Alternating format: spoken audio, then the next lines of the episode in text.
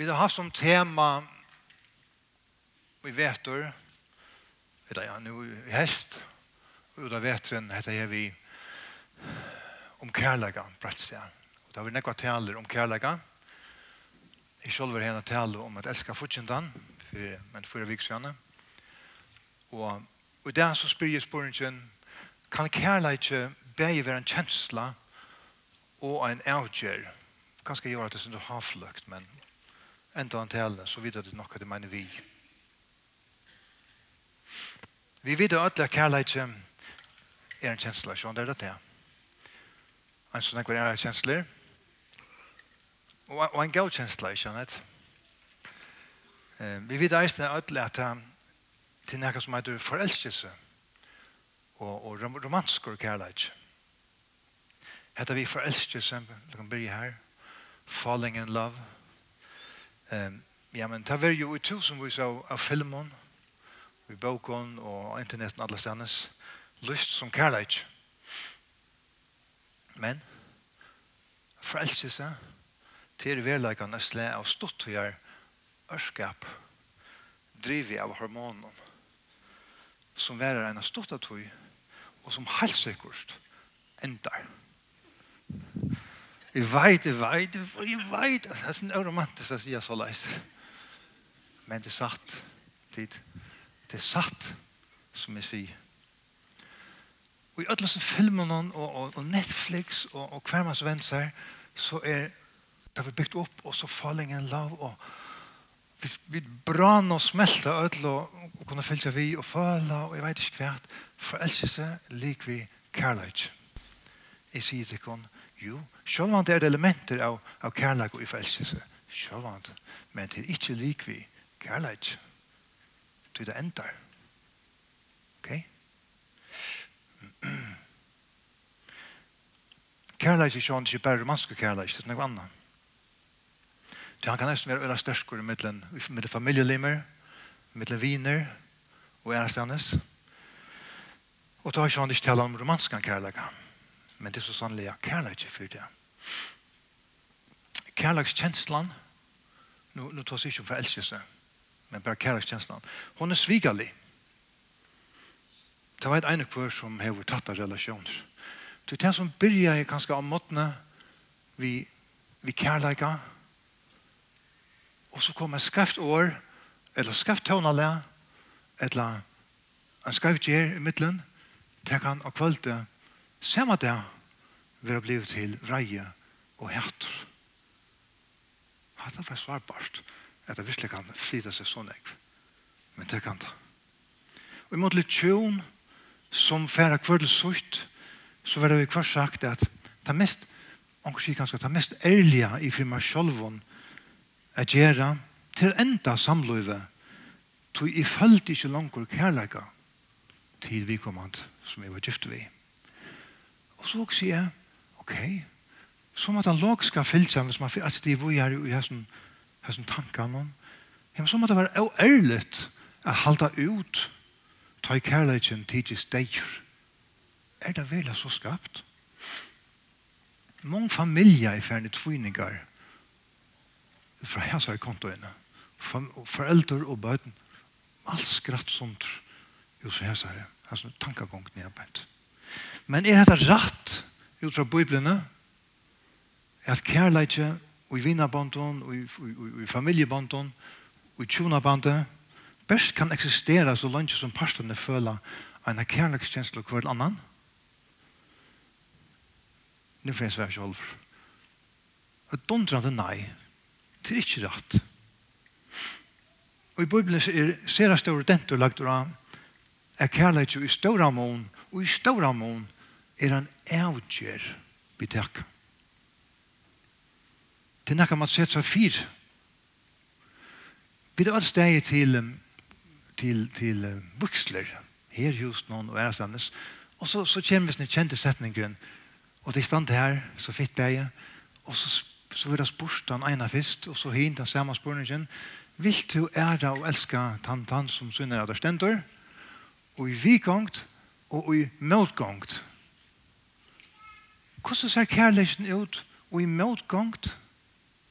Det var bare nekka som eitur kærleikje og i motgångt eisne, ikke bare og i vikgångt. Ok. Nå prøv spala sin dratt for å fære på hitja lysen inn i bøyplan. Til fyra slø av kærleika nevnt i bøyplan, for imisk slø. Da visste at det er, og er uttalt ganske ikke 100% korrekt, men nøklanda så leis, filia, Bror kærleitje, eros, kinslige kærleitje, romantiske kærleitje, storke, familiekærleitje, eller middelfamilielimer, og så agape, den tredje leise kærleitje, som god ofte selv vil tilskriver. Kærleitje han er noe helt særlig til Bibelen. Han er en helt særlig status. Jeg vet ikke om det har lagt mest til til han. Og i Hasans, noen kapittel 8, vers 6 til 6, har vi kærleisen på etisk lyster. På lyster nå. Du stersker som degen er kærleikken.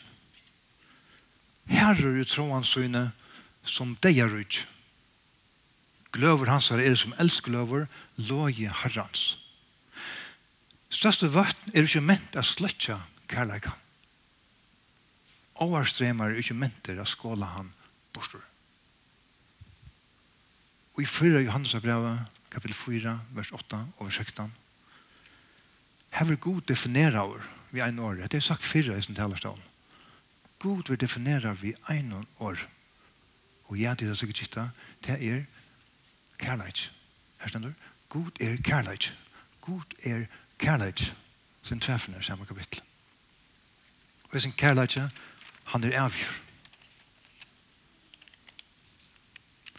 Rambrev 8, 23, 23, sier så leis. Tu er viser og jeg kvart ikke deg eller lov, kvart ikke enklar eller herradømme, kvart ikke det som nå er eller det som kommer skal, eller makter, kvart ikke hua, hidjupa, eller nekka anna vi skapt er, skal få skilt okkom fra kærlega gods i Kristi Jesu, Herra okkara. Anke kan skilja okkom borte fra gode. Anke, nada, anke, anke. Jeg sier Jan, i fyrre, i fyrre, fyrre Johannes brev kapitel 4 har vi god defineret som kærleikjen. Og i fyrre Korint kapitel 13 har vi kærleikjen defineret. All right. Hva er det så kærleik? De kjenner seg først kærleikskapitlen som man vil kalle det. Prøv å vise på her. En par stedene. Kærleikjen, og jeg har lest det selv om at det er noe vers. Kærleikjen er lengt med å gjøre. Han er mildur. Kærleikjen ber ikke øvund. Han reiver ikke, han blases ikke opp. Han ber seg ikke av svømle at han søker ikke sitt egna, gøymer ikke akk, tidrakner ikke et idla. Han gledes ikke i øvratvise, men gledes i sannleika. Han breier i alt, tror ødlån, vånar alt, tåler alt. Kærleikje fettler aldri bort, men profetagaver, der skulle få enda. Som leis tungotela, hon skal halda pæt, og kunnskaper, han skal få enda. Og så leip i lukkall vers 13. Så vera tid ha verande trygg vevn, kærleik, hese troi, men største av teimen er kærleik. Jeg har aldri dent da, i vers 8, her står at kærleiken fettler aldri bort. Kærleik fettler aldri bort, han kan ikke fettler bort. Han ble vi, og så i vers 13 faktisk det samme, så vera tid til å være han. Kærleik vakt at han så vera det. Det er faktisk det største av teimen som vera vera Vers 13, om man kallar sig några enda färg ska läsas i kontrast i vers 8. Här är det tror jag ting som få enda. Profetagava och tungotella och kunskap. Det få enda. Her lærer vi som nevnt at kærleisen er så leis hot hour at han omgang enda fær. La meg si det på en som mater. Han vil være han. Han er enda leis. Han er av enda lir. Guds kærleis til mannen nattene, heldur aldri opp hæt. Han kan ikke enda. Han er ikke treit av av gåen oppførsle. Fikk du hatt vi? Han er ikke treit av av gåen oppførsle. I vår hav. Ur imso om det evangelien lærer vi Jesus sier ofte til vi at om at elska. Og så sier han elska nasta tøyn som du sjølva. Na? Som faktisk er brått ur Mosbøkene han sier, hans kapitlene her i Johannes evangeliet 13, 14, 15 her alai, her sier han atter og atter, elsk, elsk kvann annan. Han sier det breit, elsk kvann annan. Og så, som, som vi tar fram her fyrreisene, heter vi elsk enn ta til vi fudgendan. Så hvis vi er kallet til at elska kvann annan, og vi elskar til at kallar jeg til at elska futsindan, så vil eisen kalla jeg til at elska alt som er her i middelen. Og det fører meg til at jeg så vil kalla jeg til at elska öll menneske. Vi vil ikke kalla jeg til nekka som god ikke fyrst til å praktisera sjálf. Vi må fyrst skilja at god er kærleik. Og at ikke og at jeg ikke har jeg gjøre eller gjøre som ikke god til har givet meg fyrst. Guds kærleik er akkurat, for jeg bruker noe mynd, akkurat som en, akkurat som en brusa. En kærleiksbrusa som og endelig er bare brusar i rymmet. Jeg kan trakka inn i brusebæget, jeg kan trakka ut hvis jeg ikke er her. Ta brusar stadig vekk. Og det er fyrt alt jeg gjør. Utan enda. Jesus har bo om en elsker til så super brusar bein fram, det er så radikalt, og til er utan undantak. Men du sier ganske, ja, men, jeg hører til, Jens, at det, er det blir til. Jeg kan ikke elske alle mennesker, jeg har ikke kapasitet til det. Det blir ikke til. Men hvordan, hvordan elsker man så at man absolutt ikke har kjensler for en menneske? Kanskje øvet man har negative kjensler. Man, man er irriterer innan vi kommer. Man kanskje øver innan vi kommer. Hvordan elsker man ta? Det er praktiske anvendelse av det som bor i Jesus her. Knyter seg nettopp i at talen er ikke om man har kjensler. Vi tror ikke om man har kjensler her. Jo, hun kan være avlagt sattene, men er det ikke en kjensla vi tar sånn? Som vi føler er for nesten noen, eller hver nøren, eller fortjentalen. Her, er jeg har talt her en 15 utsøkende her på et kærløsene til og til og til og til og til og til. Hvis vi prøver å lykke hitt etter etter, for først av her som gått 15 utsøkende som definerer kärleken.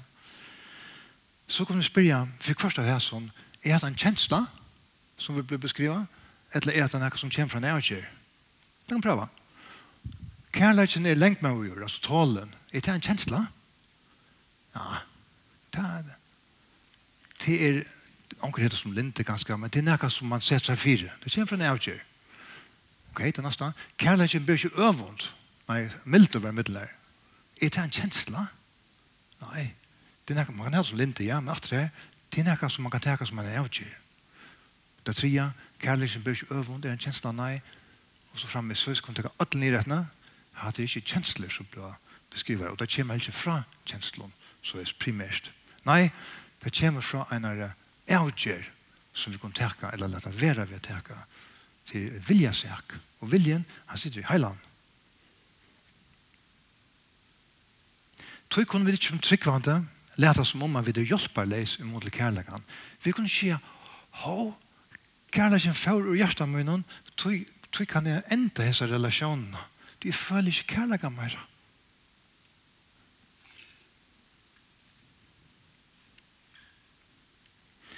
Kærleikskjenslen, hun kan komme og fære. Men uansett hva vi føler, så er det en heil og plikt jeg elsker. Jeg fyrir kanskje om det nevnt om, om kirkegård, for nere dypt, men vi har sånn plikten jeg på, det skal ikke gjøre mer om det. Men det er en Heile plikt at elska. Hesen kærleikje som vi er kallet til å liva og praksera er tog prinsipielt til öll menneske og galdande alt liv. Askån om at kærleikje er best en kjensla er det nekka som henter okkom og som ikke har kontroll i vår er høves årsøkjen vil påstanda til sånn nekva nei og elendighet og i menneskelige relasjoner kring Atlanheim, inklusiv i Førjon, inklusiv i Høyvøk. Men jeg sier det ikke, kærleikken, han er ikke passiv. Det er ikke noe som henter dere. Kærleikken, han er aktiv. Han er aktiv. Vi kvarst er det latt. Vi kvarst er det harsht. Og tid, vi kvarst er det ordelige harsht. Ordelige harsht.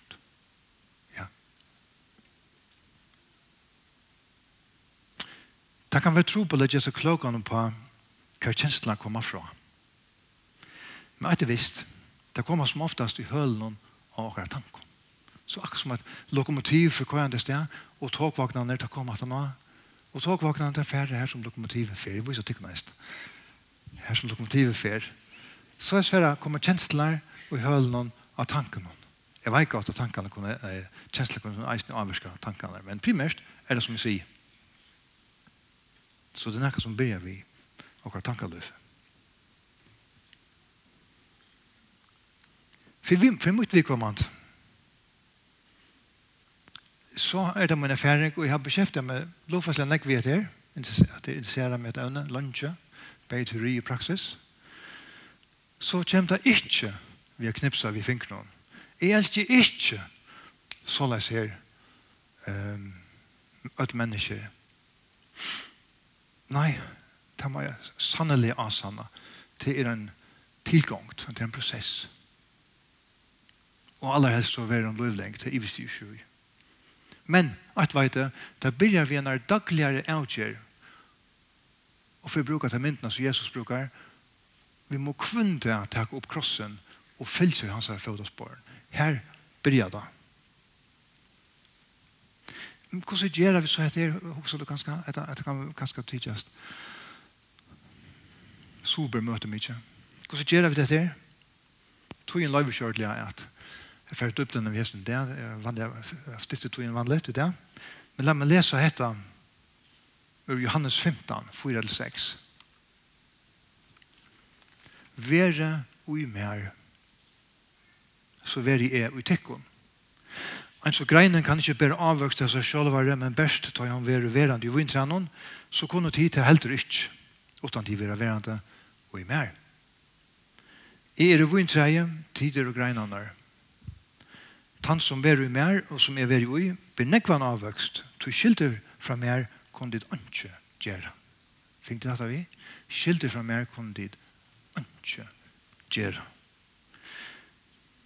Hesen kærleiksavvøksten kommer som en beinlas fylsa av at vi er planta i og i herran Jesus. Til kjelta.